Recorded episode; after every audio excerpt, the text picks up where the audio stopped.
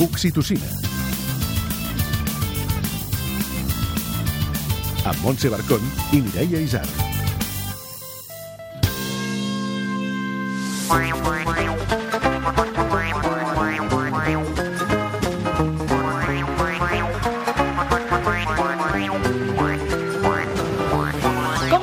Les crítiques externes? Sabeu respondre quan algú critica, per exemple, si porteu el fill massa abrigat? O massa poc? O si us critiquen per donar el pit massa gran? O per donar el biberó massa aviat? La criança sembla un judici constant i sovint no sabem com encaixar-ho. Avui la psicòloga Alexandra Mariner ens donarà trucs per fer-ho. En Xavi Cazorla avui es quedarà a gust criticant els criticadors en el seu Maconi. També tindrem plans culturals de la mà de la Laia Falcón del Culturista i el conte d'un minut de la Montmàs. A més a més, Carlos Escudero, Papa Beire a la xarxa en respon al tu, tots, tothom. Tot això i més a l'Oxitocina! Tu, tots, tothom. Hola, què tal? Eh, soc Papa Bader, eh, o sigui, Carlos Escudero, i escric llibres amb pilots, encara que no sé si es diu pilots o pilots, és igual. I tinc dos fills, que són el Martí i el Mario. Què no t'esperaves de la paternitat? De la paternitat el que no m'esperava, eh, en clau positiu, el que no m'esperava és que fos un continu aprenentatge. És a dir, jo des de que sóc pare no paro d'aprendre i és realment enriquidor. En clau negatiu, evidentment, eh, tothom sap, eh? opinòlegs, eh, eh, entorn... O sigui, tothom sap de criar, saps? I és evident que el que tu facis de cara als altres serà el pitjor. Explica'ns una anècdota. Jo recordo, sobretot, eh, fer el baby led wedding en, en un restaurant xinès, no? amb l'arròs i tot, i la gent mirant en plan... Dios mío, vamos a entender las persones i a echarlos, no? recordo també, el que sempre recordo són els, que encara en tenen, evidentment, són les sortides no? dels crius. Fa poc eh, el petit em de dir Han Solo porque está solo, ¿no? I és com, com que porque está solo? Claro, se llama Han Solo, ¿no? De Star Wars. Aquest tipus de coses, no? O com es fa la sang, papa, no? Totes aquestes preguntes eh, les trobo, bueno, no divertidíssimes, no? Si són, és, és oro puro. Manual d'instruccions.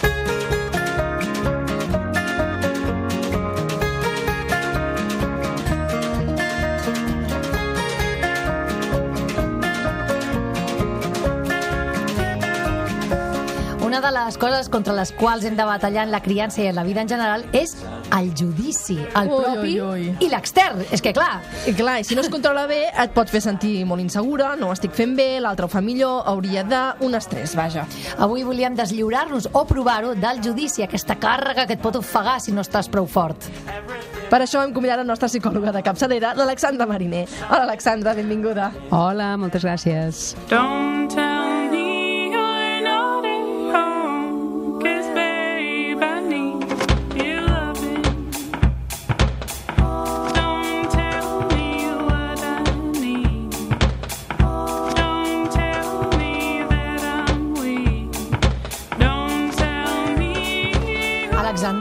què necessitem jutjar tant?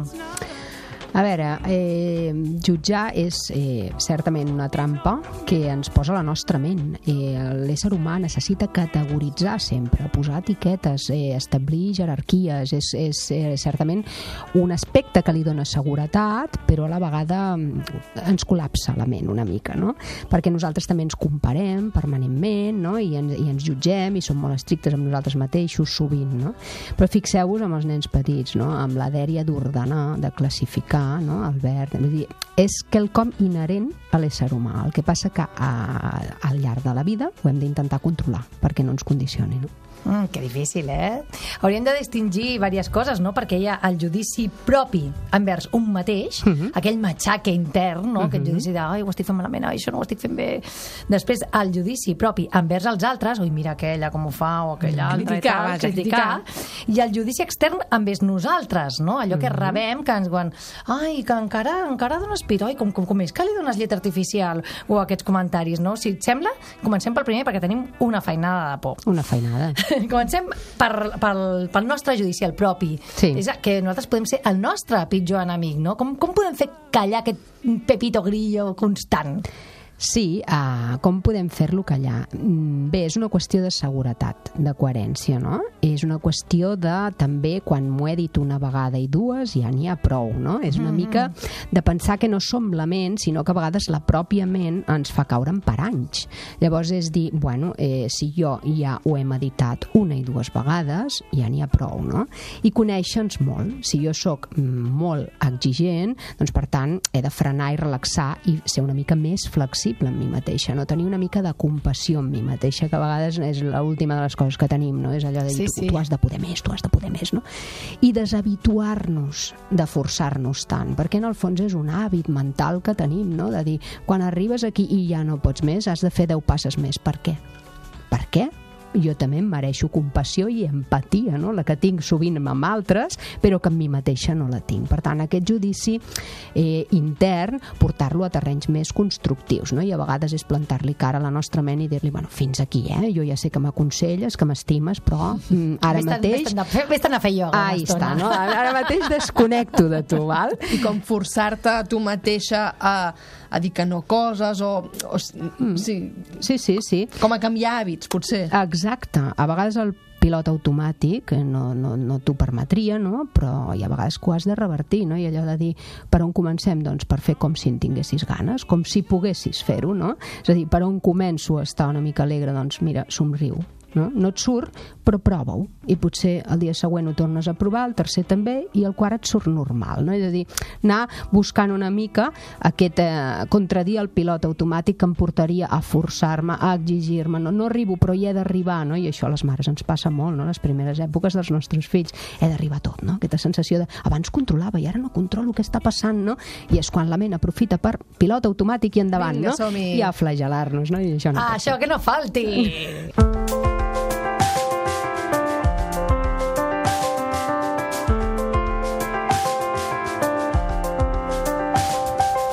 Després hi ha aquest judici el que emetem nosaltres envers els altres, no? que aquesta mm. crítica que reconeguem-ho, fem tot sense voler o més intencionat o menys, critiquem els altres, jutgem els altres. Com, com ho podríem evitar? Això, a més a més, és molt cultural, eh?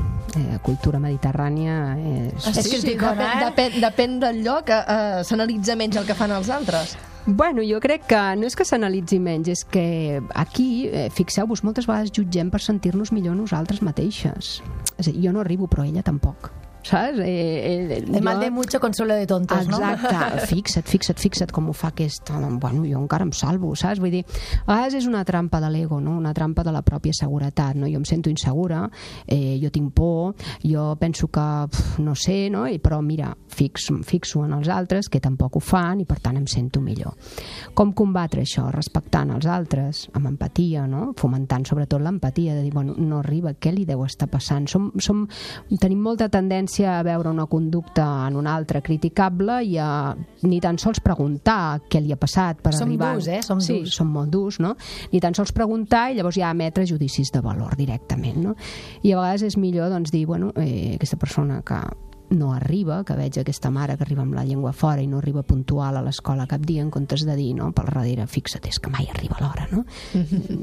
Tot bé, necessites un cop de mà, no? A vegades és apropar-nos i que és potser el que ens hagués agradat que ens hagués passat a nosaltres, que algú no, s'hagués adreçat i hagués dit, tot bé, alguna cosa, no? Llavors, és intentar, doncs, això, no? No caure en la trampa de fomentar o de, de fonamentar la nostra seguretat en matxacar els altres o en veure els errors en els altres, sinó treballar-nos no? la nostra responsabilitat i l'acceptació de que tenim uns límits. No? Arribem fins aquí. Si no hi arribem, és, eh, no, no em servirà de res veure que els altres tampoc hi arriben. No? Bueno, i que, i que equivocar-se és sa, no? Exacte. O sigui, l'error no l'hem de percebre com una cosa terrible. Exacte, sinó algo que em farà créixer, evolucionar, avançar, no? Cometo errors i tinc límits. És així, no?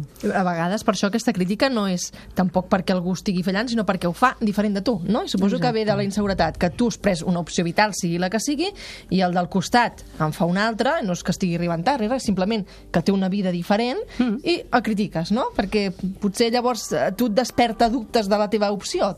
Ve d'aquí. Exacte, la diferència ens inquieta molt, perquè vol dir que potser ho hauria pogut fer diferent diferent, no? I llavors el dubte i la incertesa ens fa sentir molt malament. Jo crec que ens hem de començar a mentalitzar de que viure és incert i que moltes vegades hem de navegar entre, entre coses que no tenim clares, no? I que potser les anirem tenint clares o no.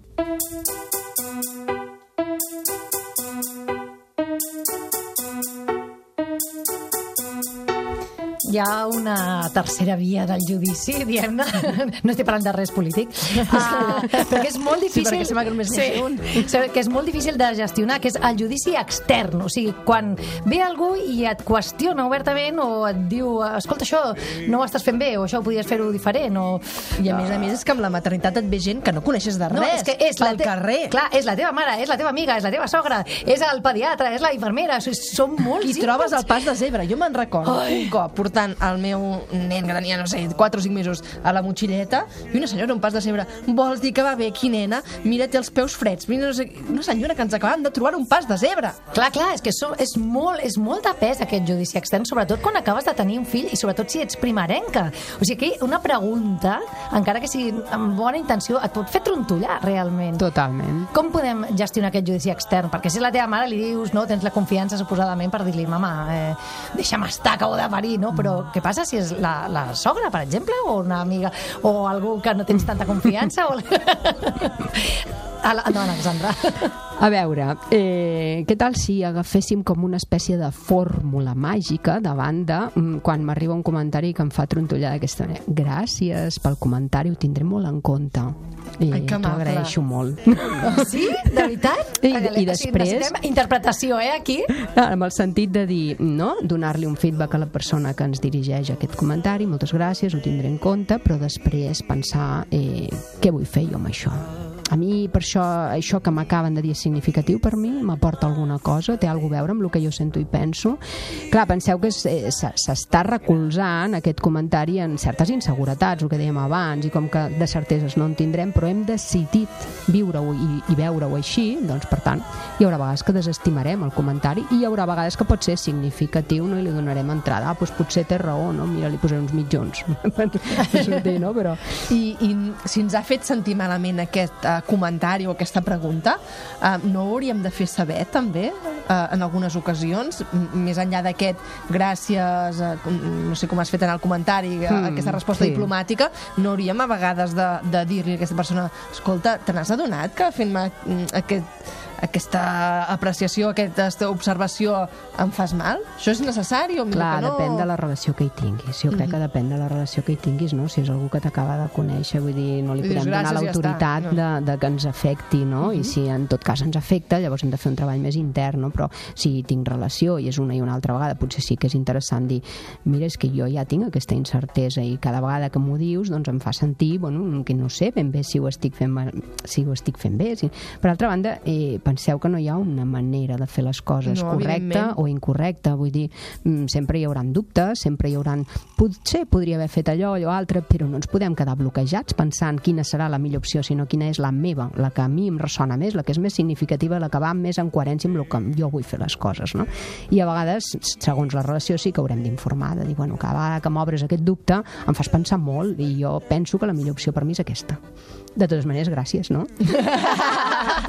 Amb un somriure, sempre. Evidentment. Escolta, i els nostres fills, com els podem a, ajudar a que no jutgin els altres i també a no ser víctimes del judici extern, que no esperin constantment l'aprovació externa? Mm. Hauríem d'educar en el respecte als altres, no? Hauríem d'ensenyar que la diferència existeix, que tot és eh, benvingut, constructiu, que no hi ha una única manera de ser i de veure el món, no? I després que els comentaris que ens fan els altres, doncs bé, que a vegades seran constructius i a vegades, eh, si esbrinem que són destructius i que l'únic afany que tenen és fer-nos mal gratuïtament, doncs bé, ho hem de llançar al sac, no? I dir, això no, tu t'hi sents reflectit amb aquest comentari que t'han fet, tu penses que tenen raó, et coneixen prou per dir-te això, no, per tant, al sac, no, ho llancem. Ecologia mental, no, de dir, pum, allà, això no m'ocupa. Ara, si és significatiu, si m'aporta alguna cosa, m'hi dedico, no, a veure què vol dir aquesta persona, no? Uh -huh. Però aquí també és una feina molt de eh, treballar molt la identitat basada en la seguretat d'un mateix. No, ara, no, ara, aquest, clar. aquest, aquest és el, el kit de la qüestió, Clar, no? no recolzar-nos sobre el que ens arriba de fora. És molt fàcil a vegades construir identitats que viuen dels comentaris comentaris de fora, que bo que ets, que bé que ho fas tot, que orgullosos estem Això de tu. passa molt. Però clar, què passa quan no arriben aquests comentaris? Hi ha moments a la vida que els comentaris que arriben doncs, poden ser crítics, poden ser no. Bueno, si ens hem fomentat molt, si hem recolzat molt la nostra identitat en això, patirem. En canvi, si tenim algunes no? característiques molt clares de com sóc i com penso, patiré menys, no? I mm. ho viuré com més, bueno, m'arriba això, però jo em sustento en els meus pilars, no? Com m'agrada ser i com sóc. No? És que això de la seguretat en un mateix fa por, no? Perquè de vegades penso, hòstia, si ens passem, en els nostres fills eh, fa por que converte, el teu fill es converteixi en aquelles persones tan segures de- d'ell mateix, els sobrats, el clàssic sobrat, no? Dius, ai, aviam si, si el meu fill tindrà tanta seguretat en ell mateix que es convertirà en un tirà. Però Montse, un sobrat és segur d'ell mateix? Clar, vist des de fora, sí. I des de dins? Uh, no ho sé perquè no és el meu cas. que vaig faltar jo d'això. No, però quan en veiem, no? Quan en veiem a vegades aquestes actituds aplastants, eh, estem a l'era del narcisisme i hi ha molta actitud narcisista, però quan els veus dius Potser estan on s'ha construït això? coses, també. Correcte, no? Moltes vegades. De fet, la seguretat eh, no necessita demostrar-se, no? No necessita no? Eh, escenaris, no? no escenaris amb el sentit de l'actitud eh, a vegades aquesta de hiperseguretat eh, una seguretat autèntica no la necessitaria aquesta actitud, no? Veuries per, segurament persones una mica més discretes, no? Bueno, en el sentit de que també posem-ho en dubte, no? I què vol dir passar-se en que el nostre fill tingui seguretat amb ell mateix? Jo crec que no ens podem passar, perquè de fet, fixa't, eh, els adults sovint... Eh, Pequem del contrari. clar, ningú arriba a assumir l'autèntica seguretat en totes les facetes de la vida, perquè és que això no podria ser, no podria ser, perquè hi ha incerteses, hi ha, no? La gent es mor amb inseguretats, no? Amb, amb, mai assoleixes una seguretat total, jo crec i considero, no? Per tant, farem bé en fer reforç positiu no, amb els nostres fills. Sí. I dir, molt bé, fill, això ho fas molt bé i ets Sí. molt guapo i no passa res. A què no? Però no sempre, eh? Hi ha, No, no. hi ha vegades No, que no, no. ho fas tan bé, fill meu. Perquè això, de fet, Llavors fatal. estaran sempre pendents d'aquest missatge. Ai, Ai, pres apunts, he pres apunts. Sí o què? Difícil aquest tema, molt difícil. L'haurem de parlar. Gràcies, Alexandra. Fins la propera.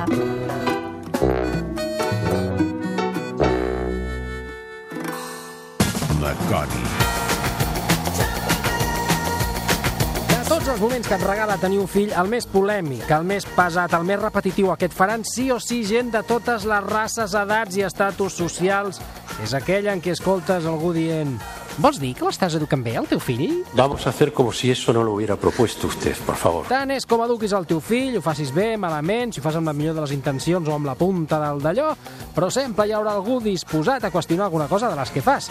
Són coses que la gent ho porten a dins i per molt que ells diguin que no, no es poden contenir de dir-les. Una mica com quan hi ha cua a la carretera per allò de l'efecte tafaner, que sempre penses la gent és que és idiota provocant cua per reduir la velocitat i entretenir-se a mirar un accident, home, morbosos! Però en quan passes pel costat, què fas tu? Mirar. Doncs amb el tema criticar passa el mateix. Parole, parole, parole. Aquí hi ha una cosa molt important que no tothom sap i que pot provocar que puguem anar restant candidats a qüestionar coses. M'explico. Si cada cop que algú et diu alguna cosa sobre el teu fill intentes regalar-li una resposta que el deixi planxat, sec, esmaperdut, de pasta de boniat o deprimit, plorós i amb comportaments suïcides, aconseguiràs que aquella persona, en principi, ja no et qüestioni més. Mejor que pensarlo, vamos a verlo. Segurament et retirarà la paraula, però potser és un peatge que val la pena pagar. Per aconseguir això has de combinar mirar d'assassina i deixar anar alguna barbaritat tipus mira, si tornes a qüestionar-me alguna cosa t'arrencaré les ungles dels peus amb unes pinces de depilar o t'enxufaré una càrcera als ous, als mugrons, al forat del cul o on tu vulguis. Te lo juro por mi abuelo. Perquè això és una guerra de desgast, d'acabar amb la paciència i la moral que tenen la gent que critiquen només comparable a la que tenen els teleoperadors, que per molt que els insultis et tornen a trucar. He elaborat un petit rànquing de les coses que més et critiquen quan ets pare.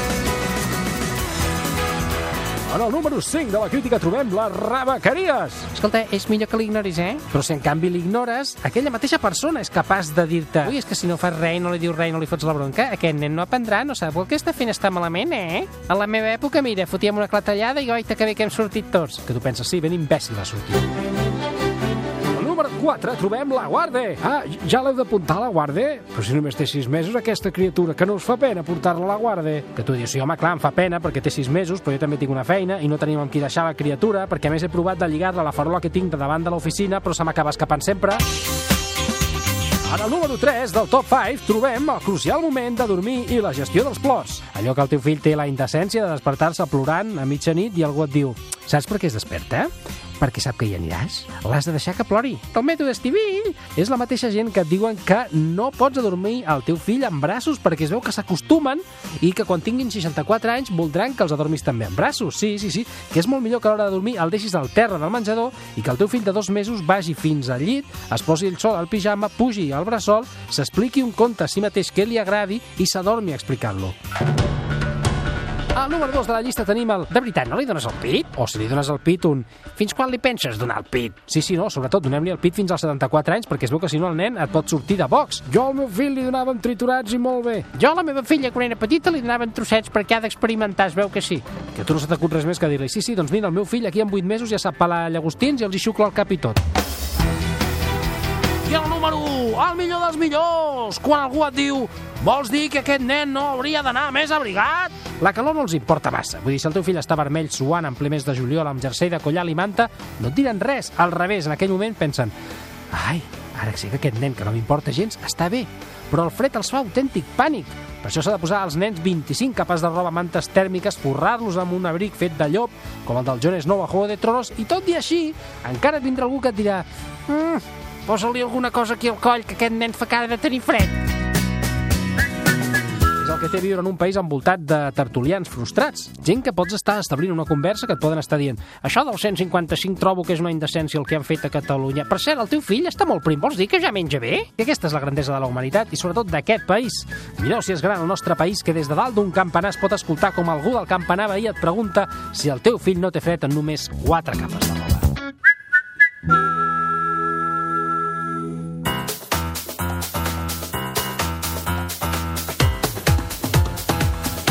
Culturista. I amb tots vosaltres tenim aquí a Laia Falcón! Ué, aplaudiments! Com estàs, Laia? Molt bé, aquí de nou. De nou, què ens portes? Mira, avui anem cap a un museu eh, científic. Fins ara, totes les recomanacions que, que us feia eren equipaments culturals dedicats a dansa, art pictòric, plàstic, però aquesta vegada va de matemàtiques. Uh, que em van costar, mare meva. Sí, però per altra banda, els museus de científics, justament, són els que més eh, visitants familiars tenen. Són els estudis mm. eh, es, sobre l'ús i hàbit de visitar els museus en família, són els primers museus que... Quina que dada més curiosa. Sí, i es deu segurament a, a, a dues raons. Una, perquè la part interactiva en aquests museus és molt més potent Clar. i és més fàcil i està més desenvolupada. I l'altra jo crec que és un tema, bueno, crec, i, i pel que és, he vist estudis que en parlen, és perquè el públic adult en general es sent més còmode comentant o responent a preguntes de l'àmbit científic, per molt que jo ara mateix no sé si preguntessin física, què diria? però davant d'una peça d'art abstracta, per exemple. clar. Llavors, és, una, és la primera via, diguem, de, de contacte amb museus amb el públic familiar. Aquest museu concretament és el de Cornellà, que hi ha el Museu de Matemàtiques de Catalunya. eh, L'anècdota és que el vaig conèixer perquè van col·laborar amb una exposició del CCB, o sigui que no vaig anar directe amb ciències, sinó que va ser via art del CCB. I el museu perdoneu, eh, vol, té la vocació d'acollir exposicions de tota mena i d'activitats que aborden les matemàtiques des d'un vessant eh, pràctic i lúdic. Està ubicat a la segona planta del Museu Palau de Can Mercader i són 300 metres quadrats dedicats a, a aquesta branca de la ciència. Llavors, exposa, hi ha una, una exposició permanent que es diu Experiències Matemàtiques i està plantejada com a jocs i construccions, sales dedicades a la geometria, d'altres al càlcul, eh, estratègia, cartografia... No hi ha un museu de matemàtiques d'aquestes característiques ni a la resta de Catalunya ni a la resta de l'estat espanyol. És Ah, el- sí, sí, és que no el coneixíem, eh? Sí. I el Museu de Matemàtiques, a part, ofereix una promoció escolar del, des del cicle inicial fins a batxillerat i una altra per a famílies. La gràcia és que l'exposició permanent mm, abarca qualsevol edat perquè són, tots són reptes i materials manipulatius i lúdics Que els més petits també hi poden anar, que hi vaja. poden més anar. Sí, exacte. El que sí que és diferent són les activitats programades. Les activitats familiars programades, la majoria són a partir de 6 anys. Hi ha diversos espais, això, material, jocs, i fa molta gràcia perquè et proposen petits reptes i mostren aspectes inhabituals i sorprenents de la matemàtica en l'aplicació a la nostra vida diària no? i quotidiana. Trobarem eh, mòduls de trencaclosques, polígons, combinatòria, il·lusions òptiques, miralls, simetria, bueno, tota la diversitat de disciplines que hi ha dins de les matemàtiques. Cada diumenge ofereixen un taller familiar que s'anomena Construïm les cúpules de Leonardo i consisteix en, en tots els participants, famílies, i neixes amb altres famílies també, utilitzant un sol model de bastó, eh, construir diferents models d'estructures. I Ah, acabes, sí, i acabes construint un petit iglú, una cúpula, per posar-te dins una cabana. Anualment s'organitza una fira eh, de diferents tallers i activitats, totes per apropar les matemàtiques a tots els públics. I un últim detall és que feu una ullada a la, a la botiga que tenen, perquè hi ha jocs de construcció de fusta molt xulos, pudres geomètrics, jocs de taula per exercitar el càlcul, tàngrams... I el més simpàtic de tot és un motlle per fer galetes amb la forma del símbol pi. Oh! que bonic, ens apuntem al Museu de les Matemàtiques de Catalunya a Cornellà. Moltes gràcies, Laia. De res, a Fins la vosaltres, propera. fins la propera. Contes d'un minut, amb Montmas.